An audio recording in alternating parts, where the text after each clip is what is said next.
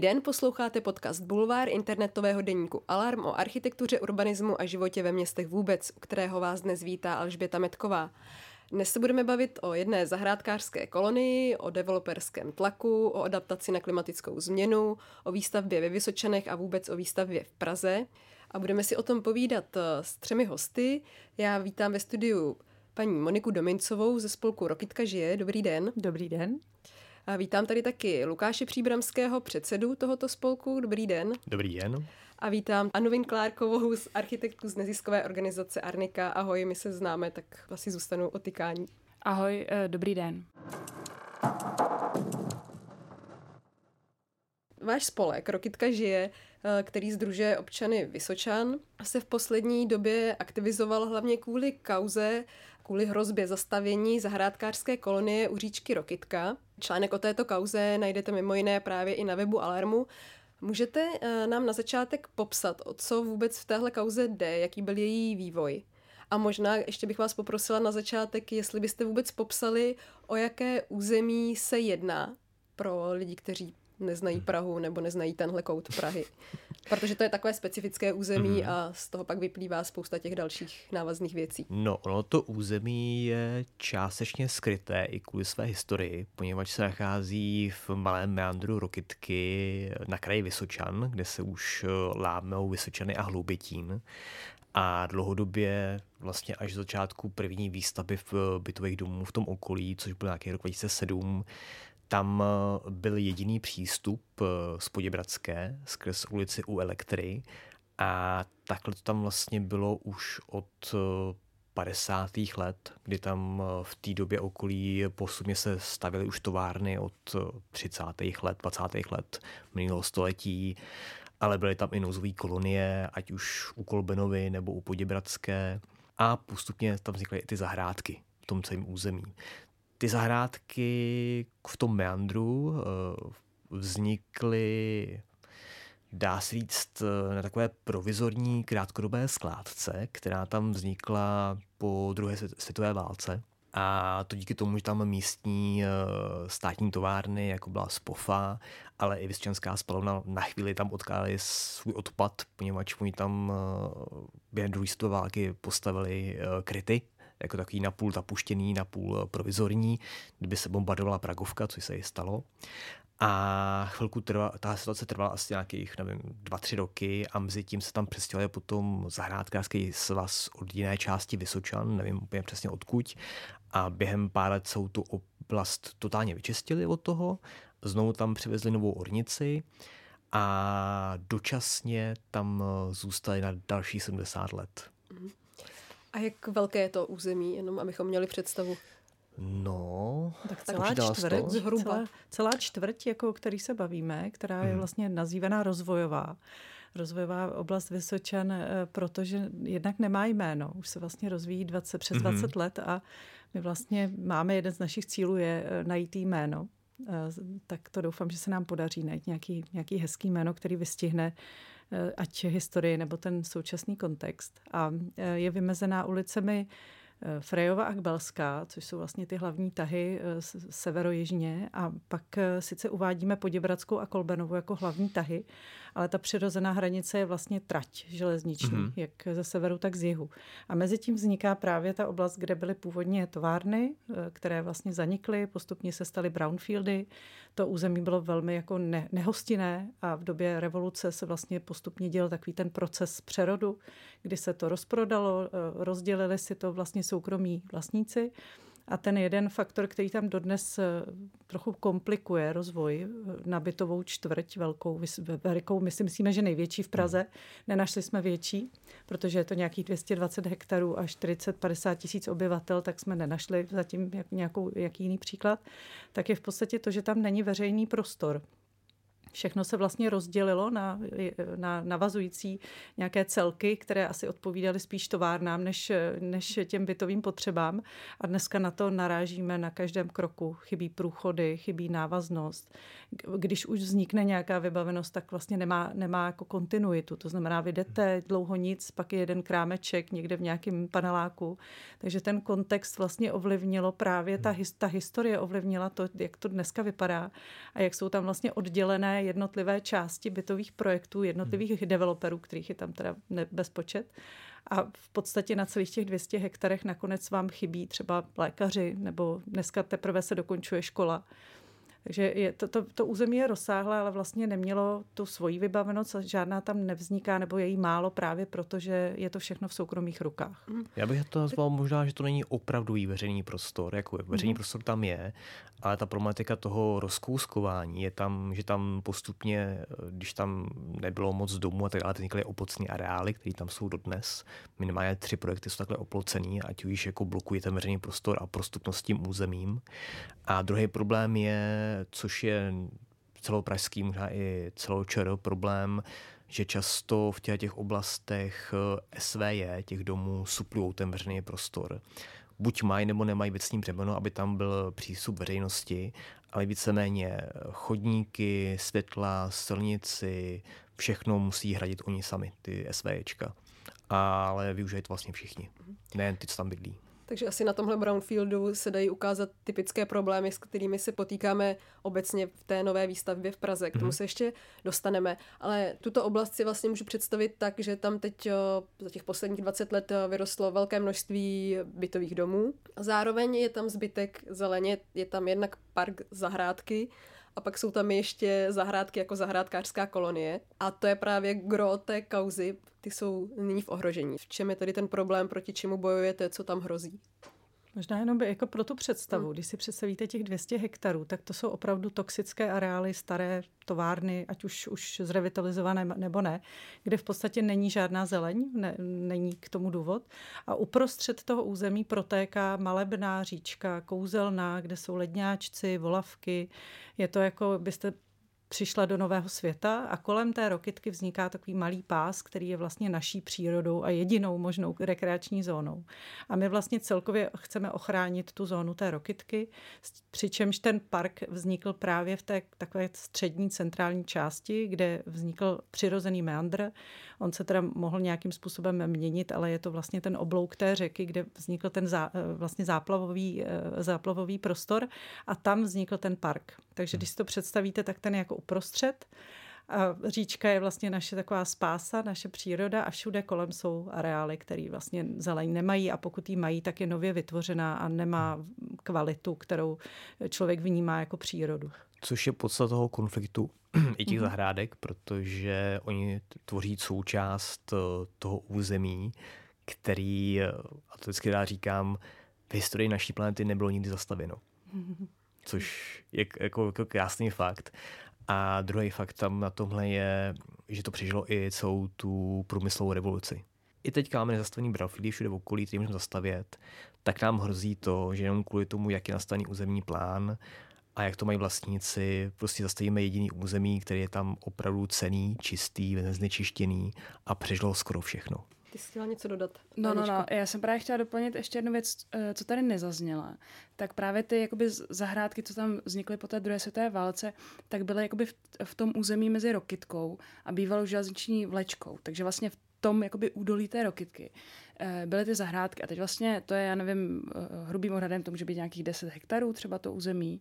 A teď na polovině, menší polovině z toho je ten park, který jako dost lidí zná ale ten je vlastně jakoby nově vybudovaný, ten vlastně jako příliš nevycházel z toho, co tam bylo a je to takový ten klasický park s tou sekanou trávou. A část toho území, kde byly původně ty zahrádky, už je zase jako zastavěna novou obytnou zástavbou. Takže vlastně z, celé, z celých těch zahrádek, z toho, co právě nebylo nikdy zastaveno a má to tu hodnotu, tak tam zbývá asi jako poslední hektar. Mhm. Takže to, o čem se tady bavíme, je zhruba jeden hektar z 220 hektarů rozvojového území. A ten konkrétní hektar je právě nyní v tom ohrožení developerskou výstavbou. Tak jestli byste mohli říct eh, něco k tomu. Tak je fakt, že doplním ještě Aničku, že ta polovina, větší polovina té, toho meandru je pořád pořád zastavitelná už přes 20 let a zatím se to nezměnilo. Takže přestože je tam nějaká už částečná ochrana, vypadá to hmm. jako zachráněné, tak pořád je to zastavitelné území, kde lze hmm. stavět byty stále eh, ve větší polovině toho meandru.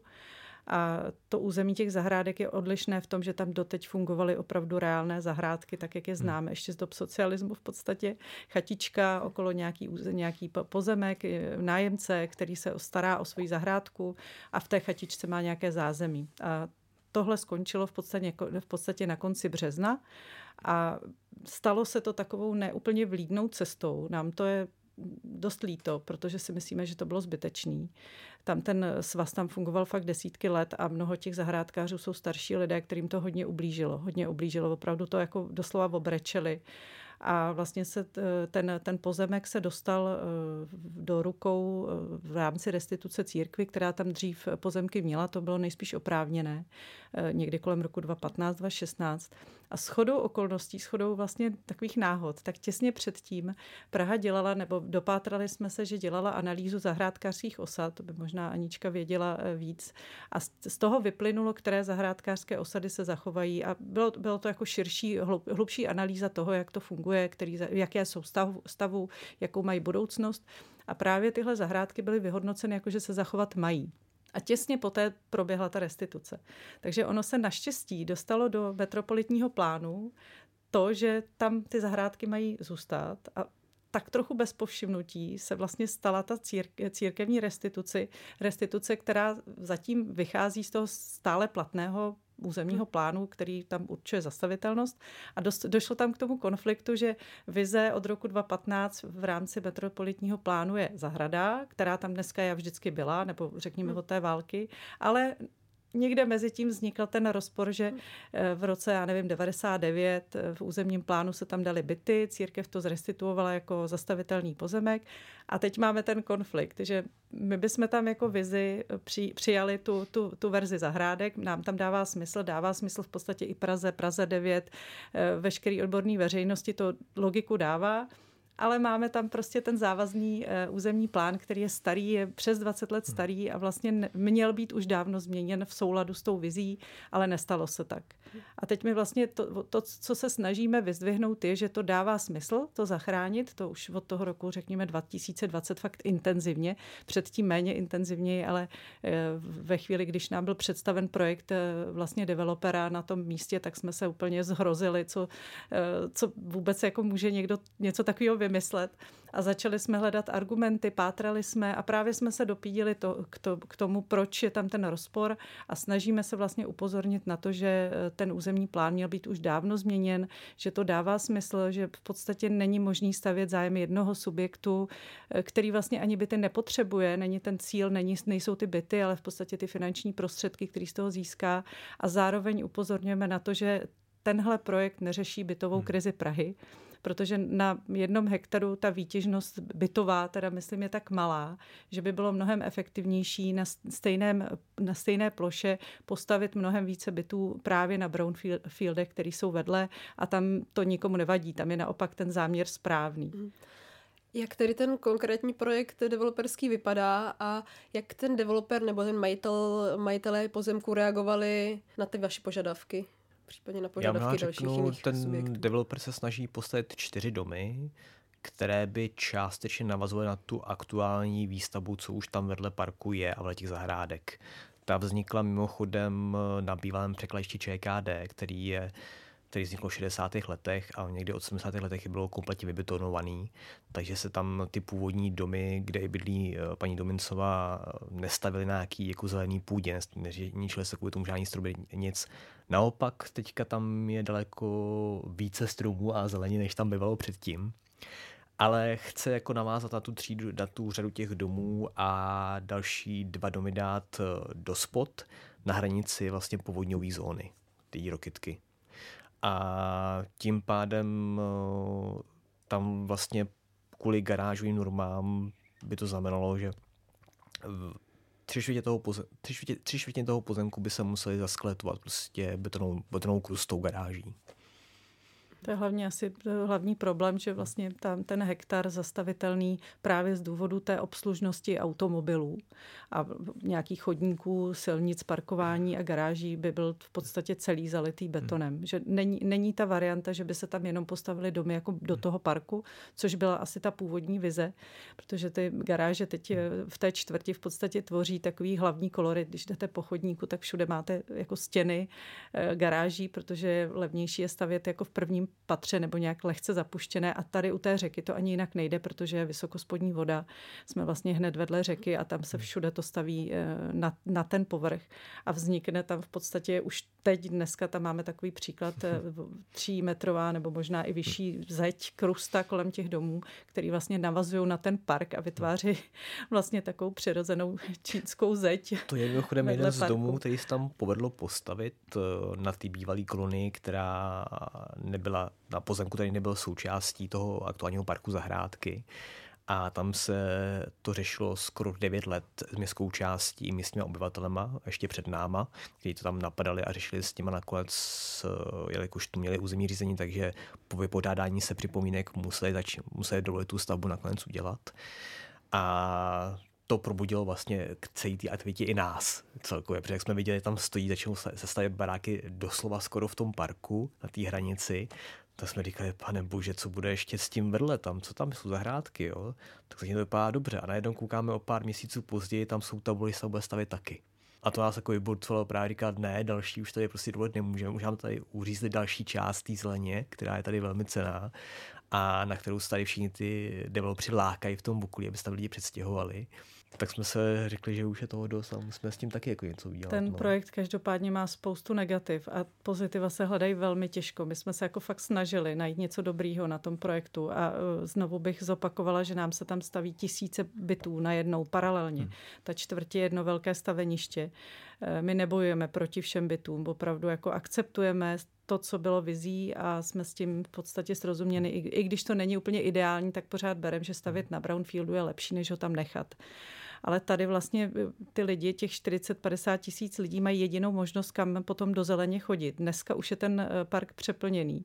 Ve chvíli, když je teplo, tak tam přijedou návštěvy z celé Prahy. Je to velmi atraktivní místo, nejen pro místní, a tam není kam to rozšířit. Tohle je vlastně jediná malá možnost, pořád nedostatečná, ale hmm. malá, takže i proto za to vlastně bojujeme. Ono pro ten kontext, aktuálně tam podle studie České zemědělské univerzity bydlí nás nějakých 21 tisíc, 22 tisíc obyvatel, z čeho je přihlášených je asi nějakých 7 tisíc cca. A do budoucna na těch cca rok 2032, kdyby se odhadoval původně, jestli se ta dostaví kompletně, dneska kdo ví ještě s tou zbytovou krizí, tak by nás tam mělo být 44-45 tisíc eh, obyvatel. A ten park zahrádky se bude budoucnu o kousek rozšiřovat o magistrátní pozemek, tady na, kolem ulice Ivana Hlinky, která s tím je propojená a bude mít snad do pár let teda asi cca 44 hektarů. Příklad což vychází 10 tisíc obyvatel na jeden hektar toho parku. Mm. Pro tu čtvrť ta, ta tam bude chodit, což je absolutně extrémní, neuvěřitelné číslo. Nepočítají návštěvníky. Nepočítám vlastně... jako návštěvníky z Prahy a středních Čech, tam se v letě chodí spoustu. rádi, protože tam máme jako mm. velmi dobrý atrakce pro ty malé děti. Ten průměr na devítce, nekoukal jsem úplně na ty ostatní parky, jak to má Stromovka a ostatní, ale třeba na devítce ten průměr těch parků a velikosti určitý obyvatelstv okolní zástavbě většinou vychází nějakých 2,5 tisíc až 3 tisíce obyvatel na hektar parku.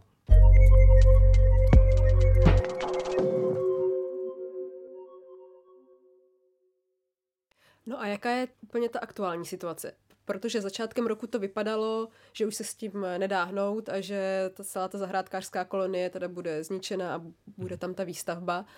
Teď to vypadá zase o něco nadějněji, mm-hmm. tak eh, jestli byste mohli popsat ty události v podstatě posledních dnů nebo týdnů. No, my jsme vlastně do konce minulého roku byli tak trochu eh, v základním režimu, že jsme jenom eh, mluvili a snažili se posouvat ty zastupitele a politiky k nějakému řešení, aby se něco dělo. Ale probudila z toho vlastně to, že 23.12. jako vánoční dárek poslali Dominikáni výpovědi těm zahrádkářům a začali spěchat s ohlášenou demolicí, která měla být prvního čtvrtý. Takže jsme říkali, že OK, je to očividně problém, někdo hodně spěchá, aniž by měl ještě to územní řízení, takže jsme se zdravě naštvali, udělali jsme novou e-petici, kromě té eh, formální podle zákona, která už fyzická tam jako na magistrátu je, abychom sbírali noví lidi a měli svou i nějaký jako hlasy občanů ještě více, než měli před, předtím, což se nám daří a rozdělili jsme prohlášení spolků lokálních a SVJ, co tam bydlí, který požadují taky to, co jsme už tady podali v petici, čili změnu územního plánu a ideálně získání toho pozemku do vlastnictví města. A začali jsme s tím trošku akčně bojovat a jelikož eh, nová reprezentace po volbách nám byla tomu mírně nakloněná a naštěstí se konečně už formulovala i nová koalice na magistrátu, tak jsme měli konečně s kým to i řešit. Díky pár eh, s tím spjatým zastupitelům na naší devíce, zejména lidem z Prahy 9 sobě, ale i pomohl nám i pan starosta. Piráti. A Piráti hlavně, Hodně taky, taky. Piráti ty nám taky dali velkou pomoc ruku v tomhle tak se nám povedlo vlastně na posledním eh, zastupitelstvu magistrátu dát do jednání usnesení a to usnesení schválit, který dává za úkol eh, panu náměstkovi docentu Hlaváčkovi a náměstkovi Zábranskému eh, řešit tu situaci s developerem a Dominikány vlastně dostaje za úkol zjistit, jak eh, to místo, místo získat eh, do rukou města směnou ideálně a podat vlastně na příštím zastupitelstvu výsledky toho jednání. Snažili jste se kontaktovat přímo právě třeba Dominikánský řád nebo toho konkrétního developera, což je JRD? Mm-hmm. Tady ještě Tam probíhala průběžně eh, nějaký kontakt různého charakteru. On celý ten vztah začal tím, že JRD plánovalo nebo oznámilo eh, prezentaci toho projektu. Tím to vlastně začalo, že my jsme se dozvěděli, jak to má vypadat. Byly nějaký takzvaný veřejný hm, setkání nebo projednávání, ale bohužel tehdy byla doba dost eh, náročná na to setkávání. To bylo vlastně v době lockdownu, takže to i proběhlo částečně online a nemohli se úplně dělat nějaký větší akce, tak to jenom bych zmínila, že možná by byly, kdyby to teda eh, šlo, ale bylo to každopádně ve velkých mrazech. Takže si pamatuju, že jsme jako venku eh, koukali na obrázky a byla strašná zima, bylo pár dní před Vánoci, takže takový jako ideální čas na to zkoumat nějaký projekt. A pak ještě navazovali další setkání. A tam ta, ten, ta, ta zpětná vazba určitě probíhala vůči tomu JRD. My jsme vlastně jako ty místní jim dávali najevo, že ačkoliv, i kdyby se snažili sebe víc, tak prostě jakýkoliv dům na tom místě nedává smysl. Už jenom proto, že právě vždycky tam přijdou ty garáže, kterého vlastně ten, ten pozemek zalí betonem. Takže nenašli jsme, my jsme se snažili hledat i nějaký jako alternativní řešení, který bychom navrhli jako koncept. Ale v podstatě to nebylo možné, protože vždycky to znamenalo zničení těch zahrad, který my v podstatě nemůžeme někomu takhle darovat jen tak. A, takže nenašli jsme, nenašli jsme nějakou jako společnou cestu a z jejich strany tam k nějakým malým ústupkům došlo, ale byly relativně bezvýznamný JRD pro dostal pro dost nás. zpětné vazby na tom začátku. Dost, určitě.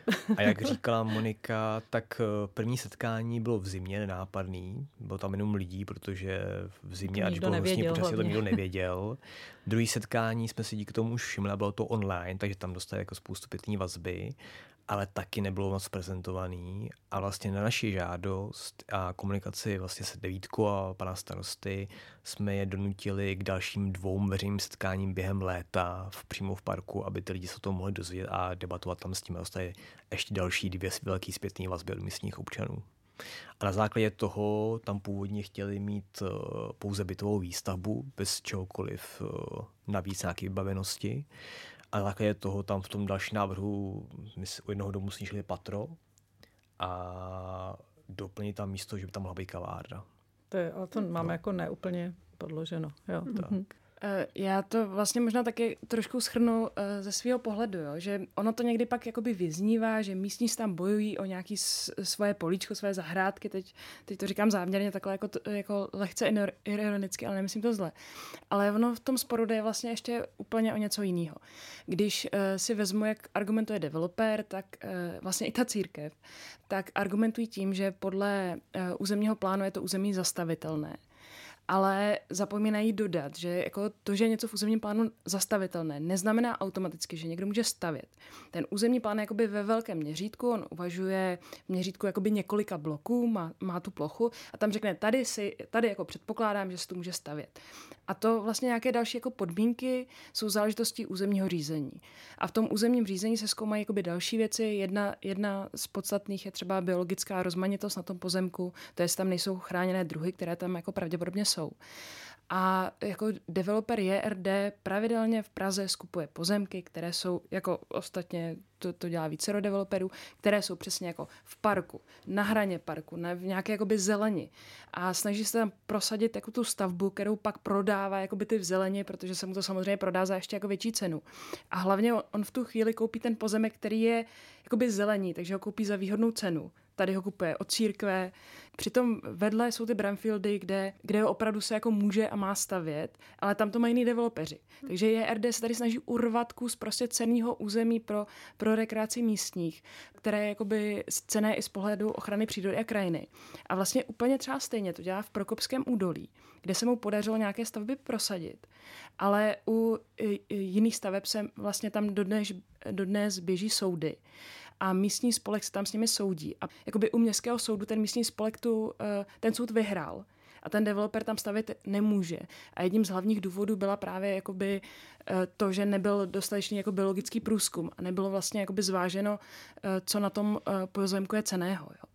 A tam je eh, v tom Prokopském údolí, tam je úplně jako bizarní, tam magi, eh, oni to jsou s magistrátem, ne přímo s tím developerem, a vlastně magistrát podává kasační stížnost, kde hlavně argumentuje finanční ztrátou jako toho developera. Jo.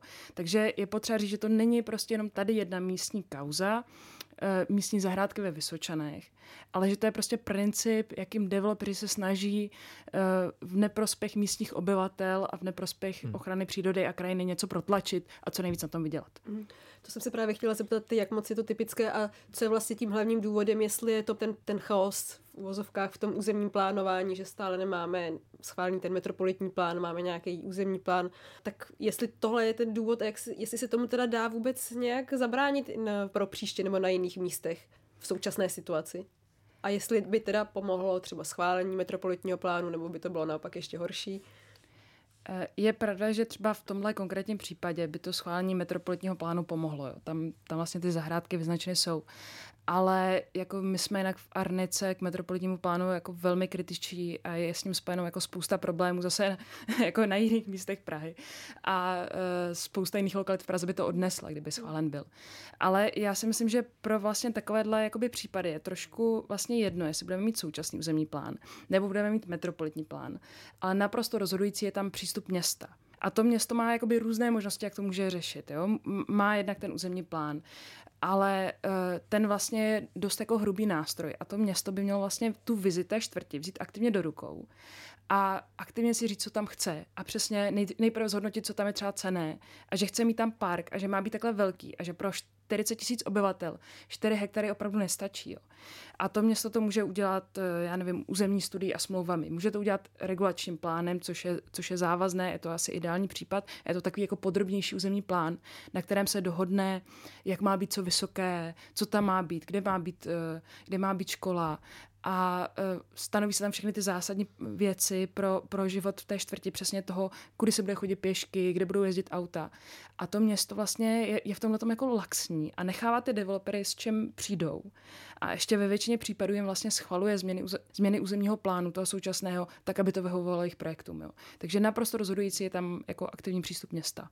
A který nástroj přesně použije, to už vlastně není až tak podstatné. To můžeme určitě potvrdit, protože my jsme se vlastně o tohle snažili od začátku.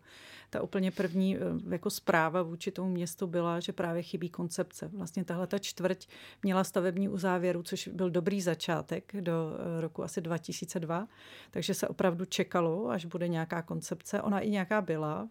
Našli jsme nějaký zdroje, i podle nich se i dělal ten starý územní plán kolem roku 2000 zhruba. Ale pak se z nějakého důvodu, který my zatím neznáme, zhruba kolem 2006 roku, ten, ta studie vyndala z územního plánu jako závazná. A našli jsme tam jenom poznámku, že má být nahrazena nějakou jinou studií. A od té doby žádná není a byly nějaký částečný, menší, ale vlastně takhle obrovský území o velikosti nebo ro, ro, rozměru jako vlastně většího okresního nebo menšího krajského města, jako třeba jsou hmm. Karlovy Vary, se staví dneska už přes 20 let a nemá svoji koncepci, kterou Anička popisuje. No a naše Praha 9 vlastně má mnoho takových malých studií na různé části toho území, ale vlastně žádná z nich není závazná. No. Ale ten fakt v tomhle tom je, že když vynechám samotný územní plán a budoucí metropolitní plán, který de facto vlastně jenom určuje, co se kde lze stavět, tak eh, ani magistrát, ani Praha 9, oni nemají uh, žádnou vizi ani plán, jak by chtěli, aby ta městská čtvrť uh, třeba za 20 let vypadala vizi, co by tam chtěli jako mít, jo? jak by ta měla jako vypadat, co by měla jako vyjadřovat se, jak by se tam tady měli cítit. Jo? Protože každý tady je prostě desítky rozkuskovaných plácků a každý developer tam postaví něco svýho, co nějakým způsobem snad navazuje na to ostatní a nějakým způsobem to uznáme. No. Takže vlastně člověk se projde po té čtvrtě a pak jenom vidí, jak se ta architektura tím časem na těch posledních let mění, jak to všechno vypadá jinak, jiný kousky chodníků, jiný typy lamp, jiný typy omítek, prostě člověk vidí, jak ten myšmaš obrovský je v tom. Dobrý příklad jsou asi školy, protože tam naštěstí je nějaký, nějaká povinnost. Jo? Zajistit, eh, já nevím, tamhle klubovnu, to je dobrá vůle, ale školy přece jenom ta radnice vnímá jako nějakou povinnost zajistit místa. Takže tam se relativně snaží. Takže nějaký, nějaký vize se objevily po tlaku lidí. Po 20 letech jsme začali křičet, že rostou baráky a není kam, ty děti tam vlastně nemají kam chodit do školy. Nafoukly se ty staré školy a víme, že zhruba 30% dětí vůbec na Prahu 9 do školy nechodí, ať už z důvody, důvodu kvality a nebo kapacity. Takže to je velký nesoulad, ale přece jenom v oblasti těch škol radnice přišla s nějakými, jako viz, ne, možná bych to nenazvala vize, ale plány, kde bude jaká škola stát. Mm. Ale začalo to až ve chvíli, když vznikl ten velký tlak a uvědomili si, že postavili tisíce bytů a vlastně není škola. A ta škola, která se dneska dostavuje, tak je to vlastně po těch zhruba 20 letech té výstavby nebyl sice plán jí takhle zdržet, ale prostě stalo se, tak ta vzniká vlastně na jednom malinkém území původních zahrádek. To byly krásné zahrady, já jsem tam bohužel ty stromy ještě pamatovala, tak je mi to o to víc líto. Tam se v červnu vykácely stromy, kde prostě byly ptáci, plodící stromy, no opravdu to byla jako katastrofa. A na tomhle stísneném pozemku dneska stojí škola do budoucna pro až tisíc dětí bez eh, nějakého pozemku, kde by ty děti mohly mít tu svoji zahradu. A vlastně to byl i důvod, proč my jsme eh, nabízeli ty zahrádky právě, oni jsou kousek od té školy, takže eh, nabízeli jsme jako řešení pro tenhle ten případ. Vznikla škola na území zahrádek, nemá svoji zahradu, ale vedle máme zahrádky a ty by mohly té škole vlastně, vlastně alternativně poskytnout prostor, kde by děti mohly venku trávit čas a učit se. No, zrovna ta škola, to je teda úplně jako otřesný uh, příklad toho, kam ta nečnost města t, jako došla, jo. Protože když se vezmu, městská část má ze zákona povinnost zajistit místa uh, v základních školách. U středních to má magistrát. A pro své občany, čili pro své obyvatele městské části. A jako 20 let tam rozrůstá čtvrť městská část je jako nečinná. A pak postaví, to je skoro až u té hlavní silnice, že jo, ta škola. Mm-hmm. No, no jo, jo, to dobře. A, a pu, předpokládám, že to vzniklo tak, že to byl městský pozemek, že proto je, ano. proto je to, tam. Ano, právě no. jeden z mála, na, no. na kterým právě nebyl developeři no. a nebyl no. soukromý. Ano, proto to tam vzniklo. Ano. Takže přesně, město by si tím územním plánem mohlo říct, chci mm-hmm. školu u parku na tom nejhezčím mm-hmm. místě, mm-hmm. nejbezpečnějším a chci, aby měla takhle velký pozemek protože to je prostě potřeba pro jako takhle velkou školu. Tak je to přesně opačně. Škola je na nejmenším, nejhorším pozemku u hlavní silnice, který byl městský, aby náhodou město neubíralo developerům. A škola jako 36 tříd pro tisíc, to má být čtyř do budoucna. Ona nakonec má druhou etapu plánovanou, no. protože vyřešili, naštěstí to vyřešili tu stísněnost tím, že dokoupili pozemky vedle, které původně eh, měly být Ne dokoupili, ale mm-hmm. dohodli se konečně s Českou poštou, že ten sousedící pozemek získají od státu pro to město, mm-hmm. aby tam mohli mhm. dát druhou etapu té školy ale i při tom zdržení té školy o těch deset let kvůli eh, různým jakoby prodlužováním, to všechno mohli řešit během té doby. Mm-hmm. Všechno se dělá na poslední chvíli, mm. že ty pozemky získali až teď, když už ta škola byla v půlce zastavěná. Mm-hmm. A jako rozhodně tam eh, kolem té školy se bude ještě dlouho stavět, takže mm. nejenom, že nemá zahradu, ale vlastně kolem dokola je obest, eh, obklopená pozemky k výstavbě. Teď zrovna probíhá stavební řízení na dvě věže, my tomu mm. říkáme věže, protože jsou 12-patrové teď v této chvíli eh, v plánu a ta, to je těsně vedle té školy. Takže ty děti nejen, že nebudou mít zahradu, nebudou mít v podstatě prostor, tak ještě kolem nich bude probíhat eh, možná 15-20 let výstavba, ať už druhé etapy školy, anebo bytových domů.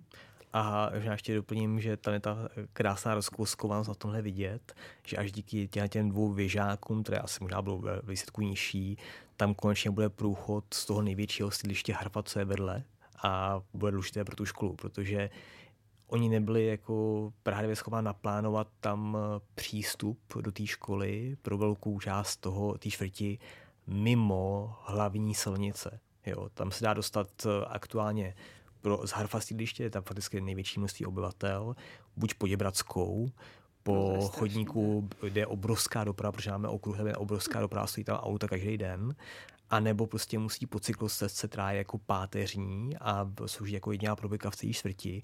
V zimě je to celkem OK, ale v, zimě, není, ale v zimě není osvětlená, to je jeden problém.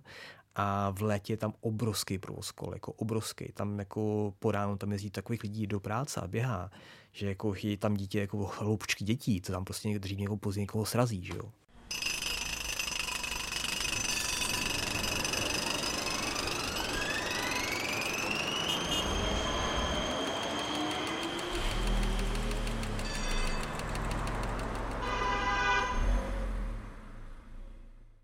Tento podcast vzniká jen díky příspěvkům od vás, našich čtenářů a posluchačů. Podpořte jeho vznik v naší stálé kampani na Darujme.cz. Odkaz najdete v popisu každého dílu.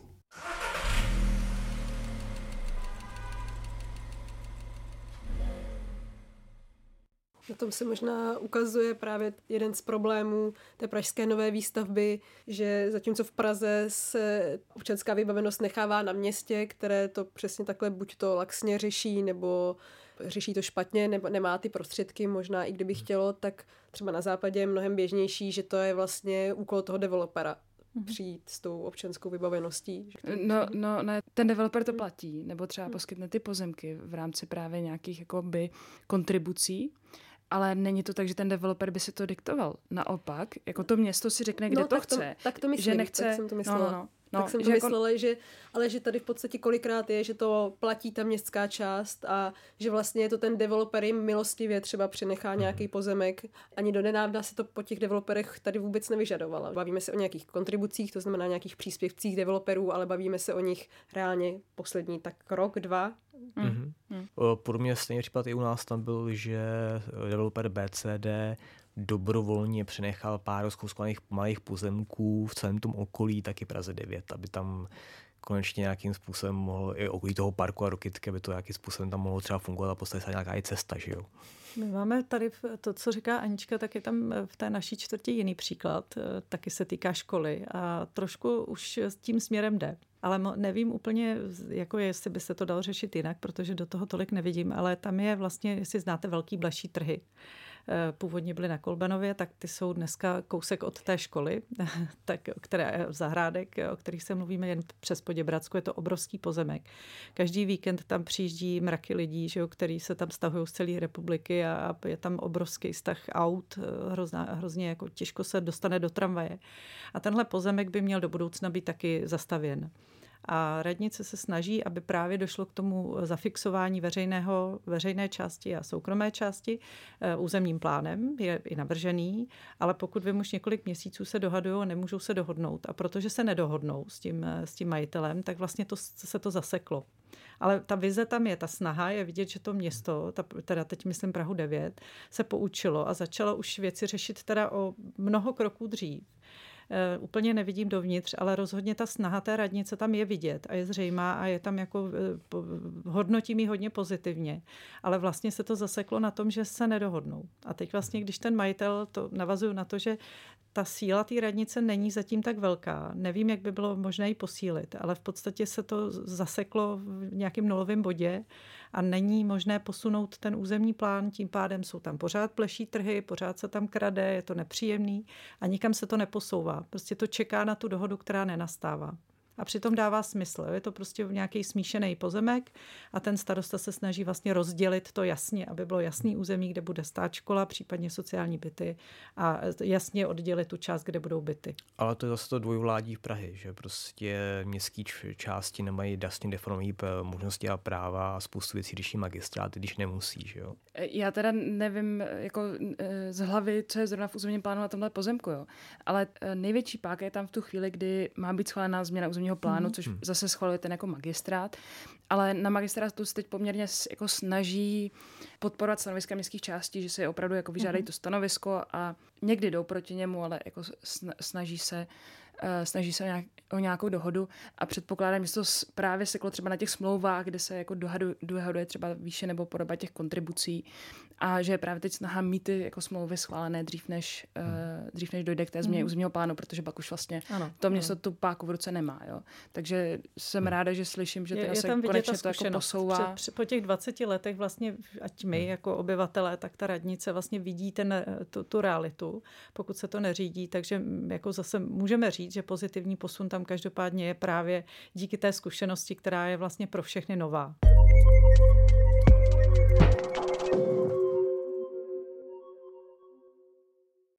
Vy jste tady zmiňovali, hmm. že došlo v podstatě k vystěhování těch stávajících zahrádkářů, toho hmm. stávajícího zahrádkářského svazu.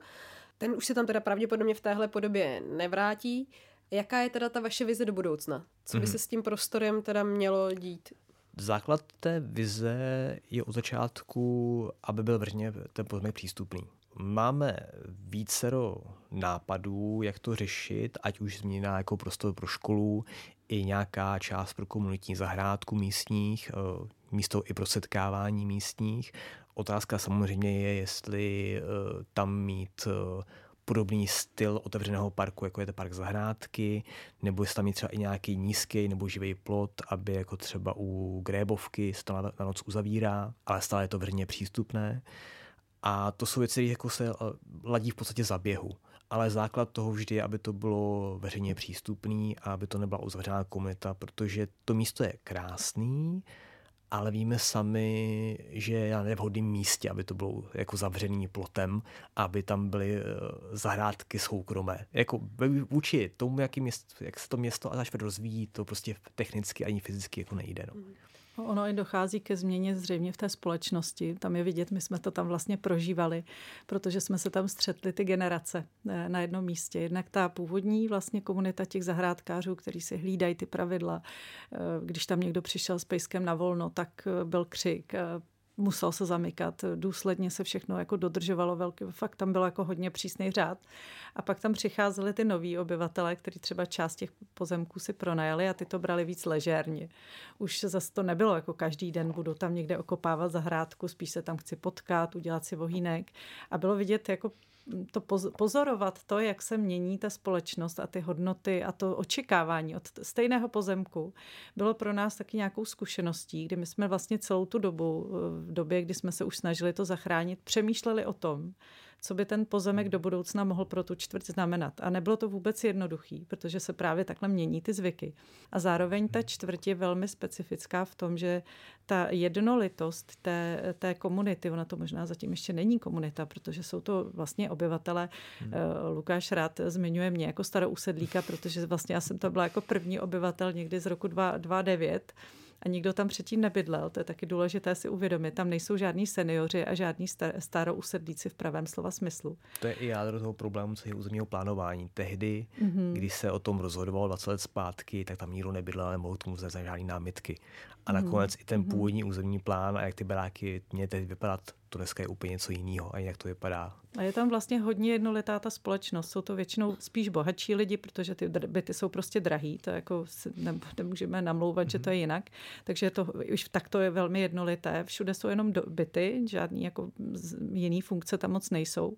Takže jsou to obvykle mladé rodiny, které sem mm-hmm. přišly založit eh, rodinu nebo mladé páry, zakládající rodiny. Rodí no, se to hodně. Vždy. Skoro vždy. Skoro vždy. Já to nechci úplně generalizovat, protože já mám zrovna sousedku, která je přes 70 a je velmi aktivní a je, je taky nám hodně pomáhá, takže určitě tam nějaký takovýhle, ale spíš jsou to aktivnější lidi, i, i pokud jsou starší a mají jiná očekávání než v nějakých klasických čtvrtích Prahy, jako jsou třeba Davice nebo i třeba ten Prosek. Je to velmi odlišné. Je, je to vlastně nějaká nová psychologická rovina. Jako pochopit takovouhle čtvrť, která vznikla úplně z nuly. Ty lidi tam nemají kořeny. Při, přišli z celého nejenom Prahy, ale republiky i světa, protože tam hodně cizinců. Čili mají odlišné kořeny, mnohdy nejsou Pražáci, nemají tam adresu je to velmi jako mm, neusazený. A v tomhle prostředí vytvářet komunitu eh, bez komunitního prostoru je v podstatě zázrak. Nám se to teda zatím daří i s tím málem a opravdu je to výzva asi možná největší, kterou, na kterou jsme narazili. A i proto právě ty zahrádky jsou pro nás důležitý jako jedno vlastně možná jediné, zatím hmm. jediné potenciální místo, kde by takový prostor mohl být, kde by ta komunita vlastně se vytvářela a posilovala Navzdory tomu, že tam jsou nějaké překážky, včetně právě toho, že do toho parku chodí hodně hmm. cizích lidí. Takže tam to úplně vzniknout nemůže. Ten mě teda přišlo vlastně vtipný, když jste mluvili o tom, jak ta čtvrť vypadá a že to je nějaký nový jev, tak to není vlastně úplně nový jev, protože to, co jste popisovali, se vlastně dělo o několik desetiletí dříve, když vznikaly ta velká ano. klasická mhm. sídliště. Takže Já jsem vlastně tady... dítě ze sídliště no. socialistického, že jsem přesně takhle vyrostla. Takže velmi, a vlastně Prosek, který je vedle nás, tak je takovým sídlištěm a je velmi zajímavé srovnávat právě to, co, že teď vlastně se děje něco úplně stejně a něco jinak. To hlavní, co je stejně, to nám potvrdili vlastně i lidi, eh, kteří to zažili, že tam vzniká takový ty, vznikají tam ty vlny eh, demografický. Nejdřív je tam strašně moc malých dětí, takže chybí uh-huh. školky, pak najednou budou chybět pro teenagery, nakonec je tam teda problém s tím, s nějakou takovou tou jako kriminalitou drobnou těch mladých dospívajících, kteří nemají co tam dělat. A když jsme se na to ptali eh, na magistrátu při jedné procházce, takové jako zaměřené, tak jsme se vlastně dozvěděli, že je potřeba to vydržet a že to je vlastně přirozená, přirozený proces vzniku takové aglomerace. To je ale důležitý bod u nás taky čeká u nás. Eh, ty nejstarší projekty byly dokončeny 2728, i tak byly Monika a největší sídliště Harfa je ze stejné doby. A my tam eh, vlastně teďka budeme mít brzy, nebo už to vlastně skoro i je, první pubertáky v té ty oblasti. Celý. Tedy tam do teďka nebyli. Takže tam jsme je nevěděli, malá že část původní zástavby kolem Kolbinovy, to jedině tam bylo, tak to jsou většinou lidi už starší v důchodu, takže tam budeme jako první, pubertě, jako první pubertáky, ale tam ta výstavba, to všude, to jsou jenom dětské hřiště. Jo? Mimo parku zahrádky, který je i tak dělaný jako atrakce hlavně na malé děti, to jsou všechno dětské hřiště pro děti do věku do pěti let. Jo a tam prostě nejsou žádný místa, kde by si prostě malý poprtáci zahrál basket nebo sednout nebo prostě pokecat za kůřici. Ale nebo začíná to. Začíná to je fakt, že na ten tlak my můžeme jo. zmínit právě studii, která vznikla taky na základě toho jako celého té, té naš, naší iniciativy. S tím přišli vlastně v době, když jsme nejvíce tlačili zhruba před tím rokem dvěma eh, naši jako pirátská strana na Praze 9 s návrhem, že by se udělala teda nějaká studie, která by teda nějakým způsobem hledala to řešení pro ty zahrádky zahrádky. To byl takový jako nápad. A nakonec vznikla, je to docela zajímavý zdroj, byl v lednu prezentován zastupitelstvu a tam je mnoho tezí, které nám úplně jako berou slova z úst. A mimo jiné tam je právě zmíněný ten faktor, že vybavenost vzniká, vzniká jenom po té, co lidi jako si ji vyřvou, doslova. Jde to od spoda. Jde to jo, od spoda, že vlastně nevzniká dopředu, ale až ty lidi začnou jako křičet a chodit na tu radnici a otravovat, tak teda se něco jako vymlátí z té radnice. Samozřejmě ta radnice se i snaží, ale takhle posléze už je to mnohem těžší než na začátku. Takže to, co tady popisovala Anička, se někde naplánuje nějaký jako prostor, který slouží těm lidem, tak už není a musí se hledat nějaký jako alternativy. Takže se povedlo mimo jiné také docílit toho, že vlastně vzniklo jednak hřiště, to vidíme jako dobrý příklad změny, kdy vlastně je plánovaná výstavba eh, od developera Metrostav, taky kousek od Rokitky. My s ní úplně v pohodě nejsme, protože tam jsou plánované nějaké jako vysoké domy přímo u řeky, ale to pozitivní je, že se povedlo docílit, že ten developer vlastně postavil právě hřiště pro teenagery, jako něco, co tam hodně chybí. Ještě mnohem dříve, než vůbec začalo nějaký jako řízení stavební a to hřiště tam už je a opravdu slouží. A já osobně z toho mám jako velkou radost, protože mám dceru, který je jedenáct a fakt si veme ten basketbalový míč a jde si tam hrát. A já z toho jako mám dobrý pocit, že se mi povedlo udělat nějakou změnu v tom přístupu. Takže tohle je jako pozitivní pozitivní. To je nějaký hmm. příklad, který jako posouvá tu věc. Na druhou stranu je to malinký hřiště uprostřed obrovské výstavby a ve chvíli, když tam ty byty na tom území metrostavu vzniknou, tak zase vznikne ten přetlak. Takže zase jsme jako o krok zpátky. Ale řekněme, že nějaký posun je. A druhý příklad je, že vzniklo komunitní centrum, který zase eh, vlastně podstatě daroval nebo eh, je placen ze zdrojů jiného developera.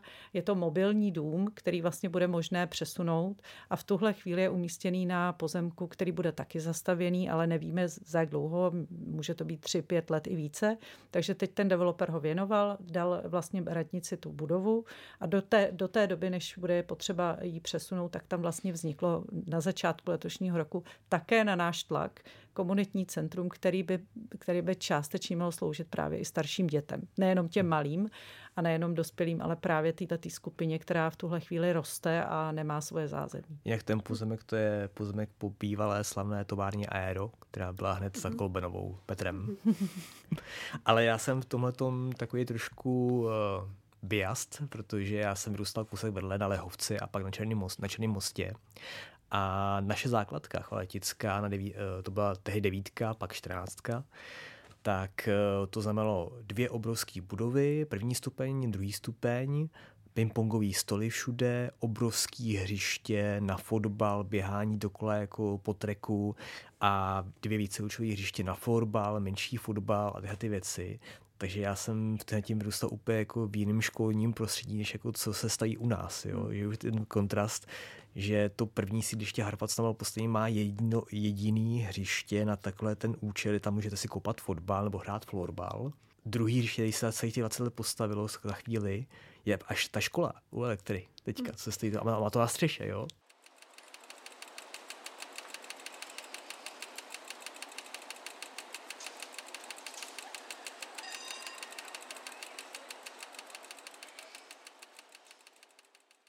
Ještě bych se vrátila k nějaké vizi té komunitní zahrady, protože přesně představa toho, jak by měly vypadat zahrady ve městech, nějaké městské zahrady, komunitní zahrady se vyvíjí právě od těch malých soukromých zahrádek, těch zahrádkářských svazů po něco jako většího komunitního, co třeba může plnit nějakou roli i v potravinové soběstačnosti. A je to i jako důležitý prvek v boji proti klimatické změně, které všichni čelíme a ve městech tedy obzvlášť tomu se věnujete i v Arnice. Mohla by si nějak schrnout, jak vůbec se podle vás daří Praze s tou klimatickou změnou bojovat, jestli třeba dostatečně využívá právě ty stávající prostory, co máme a jestli vidíš nějakou naději do budoucna s tou stávající koalicí, která je poměrně čerstvá. No, my většinu, eh, jako ta koalice je teď hmm. nová, jo, ale my většinu těch lidí známe. Ale přijde mi, že se vlastně i na tom jako magistrátu ten názor přece jenom jako trošku vyvíjí, jo, že když si vezmu třeba klimatický plán Prahy, tak jako v některých oblastech se jako opravdu dějou ty změny typu prostě komunitní energetika nebo plánované energocentrum v Bubenči jako směrem jako k udržitelnosti. Ale kde třeba my vidíme jako obrovský deficit je právě to, že máme eh, klimatický plán a další strategie a ty jsou nezávazné. A vlastně hrozně tam jakoby vákum mezi tím, eh, jakou má to město strategii a kterou i v nějakých oblastech prosazuje a často to záleží na tom, který tam zrovna je jako radní. A mezi tím, co se, jak staví developeři podle čeho rozhodují stavební úřady, a to je právě ten jako územní plán, který je závazný.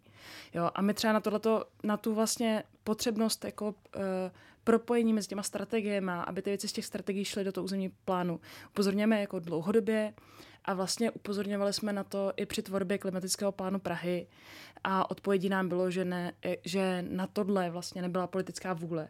Což znamená, jako tam je zodpovědný v minulém volebním období i v tomhle volebním období náměstek Petr Hlaváček. Jo. Takže tam vlastně je, mm, nastává jako velká chyba, když se ty věci tam jako nedějou a nepropíšou se do těch, do těch závazných věcí. Jo. To mi přijde hrozně velká škoda. A přesně zahrádky ve Vysočanech, zahrádky kdekoliv jinde.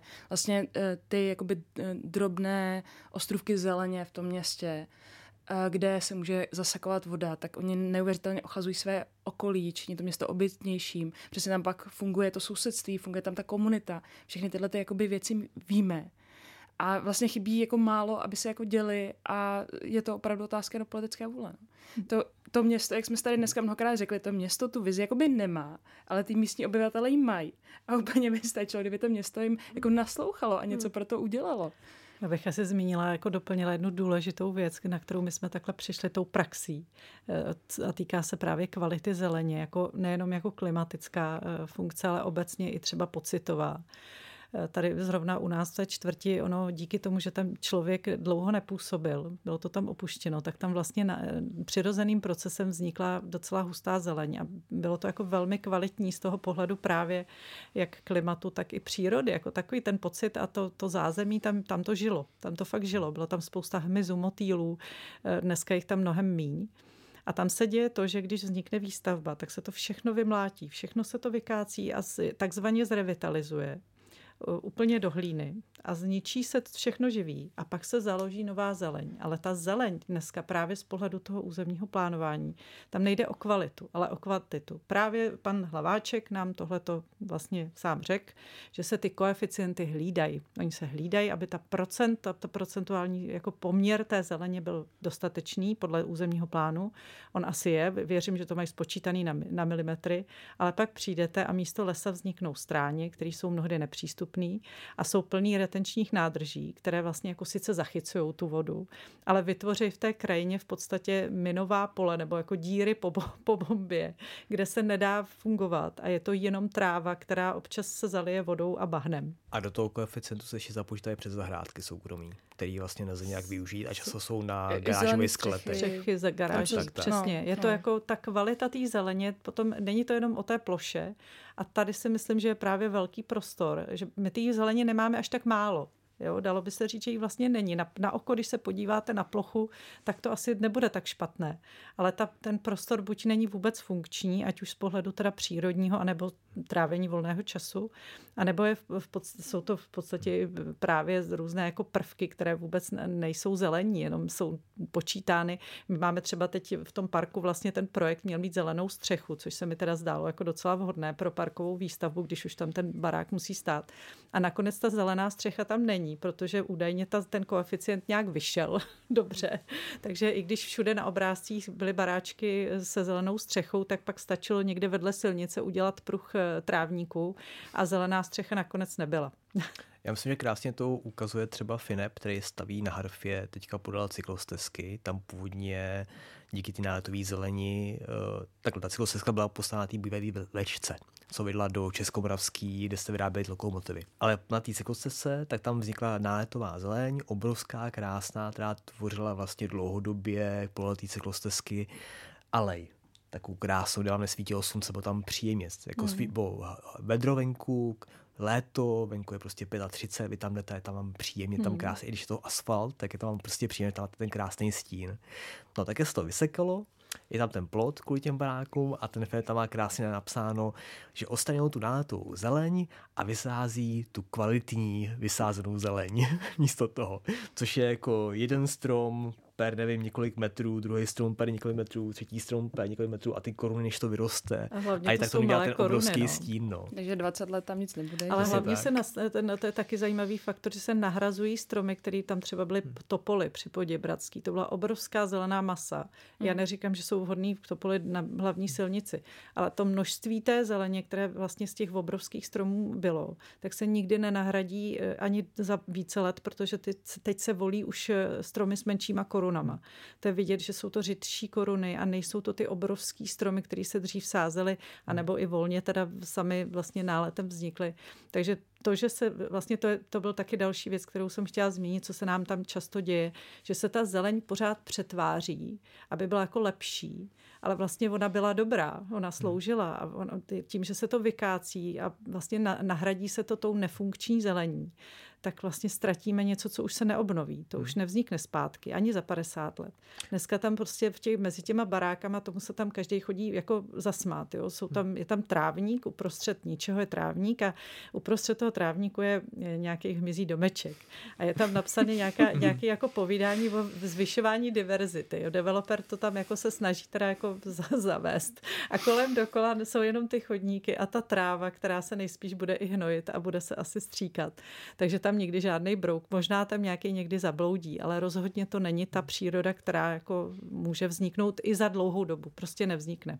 No, my vám to zná, to za ní míří i ty keře a všechny ty oblasti, kde se můžou ty zvířata a ty ptáci skrývat, že jo? A potom je to jenom plochá holá.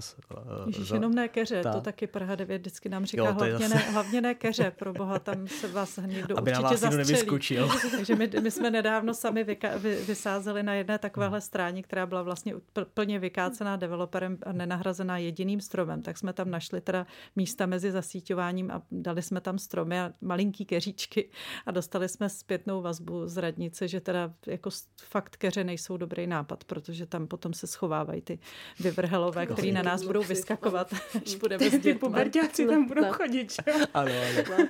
Vlastně co plánujete dál v Rokitce, která snad bude žít nadále no, zeleně? Co, plánujeme co nejvíc? dál komunikovat s naším senátorem Davidem Smoljákem, který se účastní těch řízení eh, města s developerem a Dominikány a dává nám vidět, jak to probíhá, jak to vypadá. A plánujeme dál jak eh, naši Prahu 9, tak i magistrát eh, obsílat našimi názory a, do, a komenty a všem ostatním, aby viděli, aby jsme viděli my, a jak, jak to se vyvíjí, aby oni viděli jako náš názor. A hlavně kvůli těm zahrádkám, což jako zatím se nám daří, bitva není vyhrána, ale jako daří se nám teďka dobře, tak doufáme, že s tou bude mít úspěšný konec. Ale není to jen tohleto, no. Jako nechceme být spolek, který je tady kvůli jedné věci. Chceme být spolek, který i kontinuálně bude propojovat celou tu naši čtvrť. I tak se snažíme brát nové členy eh, pomalu, ale jistě, abychom na, každou, na každý ten projekt měli aspoň jednou zástupce, který prostě nám bude schopen dát ten pohled, jak to lidi vidí v tom projektu. No. Jak je často, to často teď dostáváme otázku, a co budete dělat, když se to zachrání? No. To je takový zvláštní jako pocit. My vlastně mm-hmm. furt jako jdeme proti tomu, tomu tlaku a snažíme se to zachránit. A teď se snažíme předsvaknout na to, že no, kdyby se to fakt povedlo, tak co s tím, že jo? Je to jako, nemůžeme pak zůstat stát a koukat na, na zahrádky, které jsou za plotem. Takže samozřejmě probíhá intenzivně i diskuze o tom, jak teda co dál. Hmm. Snažíme se vlastně, učíme se, učíme se vytvářet tu diskuzi v rámci nějaký ne, neznámý čtvrti. My nevíme, co ty lidi chtějí. Chtěli bychom jim to nabídnout a naší hlavní prioritou je tam zachovat co nejvíc ten přírodní ráz. A zároveň splnit očekávání co nejširšího spektra, spektra lidí, každý bude chtít určitě něco jiného. Takže hledáme tu cestu, jak vlastně vytvořit tu debatu, jak ji řídit nějak kvalitně. Možná nám třeba Arnika i pomůže, protože podpora Arniky pro nás byla velmi osudová. Myslíme si, že jako právě je ta, ta role té Arniky se mi teprve teď asi docenila, protože jsme viděli, jak to moc, moc pomohlo. Takže možná třeba najdeme nějaký, nějaký know-how i u nich, jak se potom vlastně orientovat dál na tu, na tu konkrétní cestu. A na co narážíme je to, že vlastně právě to, co tady bylo zmíněno, stavíme tady krajské město, nemáme veřejný prostor a nemáme ani peníze na ten veřejný prostor. Ta, ta radnice nemá nějaký navíc peníze, jako protože staví vlastně krajské město. Takže tam narážíme na to, že veškeré peníze padly na školu a vlastně ne, nejsou, nejsou ty zdroje. Takže řešíme i to, jak ten koncept propojit eh, s případnýma eh, nějakýma zdrojema, ať už formou nějakých dotací, grantů, eh, nějaký už jsme získali, tak jsme nějakou zkušenost už máme, ale učíme se a hledáme takové jako propojení veřejného zájmu, potenciálu toho prostoru, ale zároveň té možnosti financovat to, co tam bude potřeba udělat. Ale platí, že pokud zahrádky zachráníme, tak o to ruce nedáme pryč a budeme i rukama dělat pomoc, jakoukoliv bude potřeba. jo. Což našeho prokazujeme i tím, rýče že, máme. že takhle, sázíme stromy okolo všude v parku, eh, pomáháme s úkly a tak dále, takže jako nejsme takový, jako že bychom přestali jenom kvůli tomu, že jsme získali zahrádky. No. Zároveň vlastně máme ještě jednu takovou celospolečenskou rovinu v té zahrad, v té, jako v tématu zahrádek eh, a to je právě, to, to jsou podmínky a vůbec chování jako vůči těm zahrádkářům, které v České republice vidíme, že neprobíhají jenom tyhle ty příběhy mm. se v podstatě mm. opakují mm. dennodenně. Když jsme oslovovali spolky, tak jsme často se dozvěděli, no máme tady pět takových podobných kaus. Takže my bychom vlastně i tu debatu chtěli vést na jako vyšší úrovni nebo i mimo tu čtvrť, mimo tu naší malou lokalitu. A vlastně už nyní máme to téma právě toho, jak vypadala ta smlouva, jak, mhm. jak jsou postavené ty smlouvy, jak se snaží vlastně ty majitelé obcházet nějaký už i funkční ochrany zákona, ať už zahrádkářského nebo občanského. Narazili jsme na to, že to nebylo úplně košer a byly tam ty výpovědi eh, zřejmě v rozporu s nějakými mhm. minimálně dobrými mravy. A i ten, tuhle takzvanou bitvu, bych to nazvala, jsme začali. Mm-hmm. Je trošku teď schovaná, protože není prioritní a určitě ji bereme víc jako zájem eh, celorepublikový a celospolečenský, než jako náš, protože my, my tím odporem vlastně nezískáme tolik, ale rozhodně z principu jsme se rozhodli, že bychom rádi se spojili se zahrádkářským mm. svazem, eh, s právníky a jako vlastně vzali to spíš jako nějakou myšlenku, jako precedens, mm-hmm. kdy využíváme i toho nového zahrádkářského zákona jako nějakou normu, která podporuje to, aby se to zlepšilo. A neměla by být jenom cárem papíru, který si nějaký politik nechal odsouhlasit kvůli volebním hlasům i vlastně stejně tak ten demoliční výměr, že mm-hmm. tam mhm. vlastně neinformovali ty sousedy. Ano. A i tam pochybil odbor ochrany přírody, eh, nebo jak se to jmenuje, na, na městské části, Určitě. kde vlastně vůbec neřešil, povolil demolici, aniž by mm. jako jakkoliv zmínil eh, nějakou biologickou rozmanitost nebo no. na to chráněné živočichy, cokoliv. Jo. Takže já si myslím, že přesně je potřeba tyhle ty příklady jako ukazovat, aby se znova jako nestaly. Snažíme se no. systematicky bránit. Není to jen aktivismus, kdy se tady jako vyřvává někde na ulici a, a osloví média, ale vlastně zároveň eh, jdeme i tou systémovou cestou, kdy se snažíme chytit to, co existuje a vlastně využít toho k tomu, aby jsme se bránili i formálně, to znamená odvoláváme se, napadáme nějaký souhlasy, stanoviska a v podstatě jsme se rozhodli jít i proti tomu, jak byla ta smlouva koncipovaná, ačkoliv z toho nemusíme získat to, co by se zdálo jako ten zisk pro nás, ale jde nám hlavně o tu debatu a o to ukázat, že je možný se bránit a že to třeba dopadne i dobře a být příkladem pro, pro další takový. Ono pro to eh, pochopení, ono v podstatě my sice už máme zahrádkářský zákon, ale kdo by chtěl, tak ho může jednoduše obejít tím, že ty smlouvy nedá spolkům zahrádkářským, ale individuálně těm osobám, co tam ty zahrádky mají. A to jednávání většinou jako celkem jako jednoduchý. Když nám to nepodepíšete, tak jdete pryč. Tak to bylo u nás. No. My jsme vlastně podepsali nevýhodné smlouvy jenom proto, aby jsme vůbec nějaký měli, protože ten majitel neměl žádnou povinnost nám tu činnost tam jako vlastně udržet.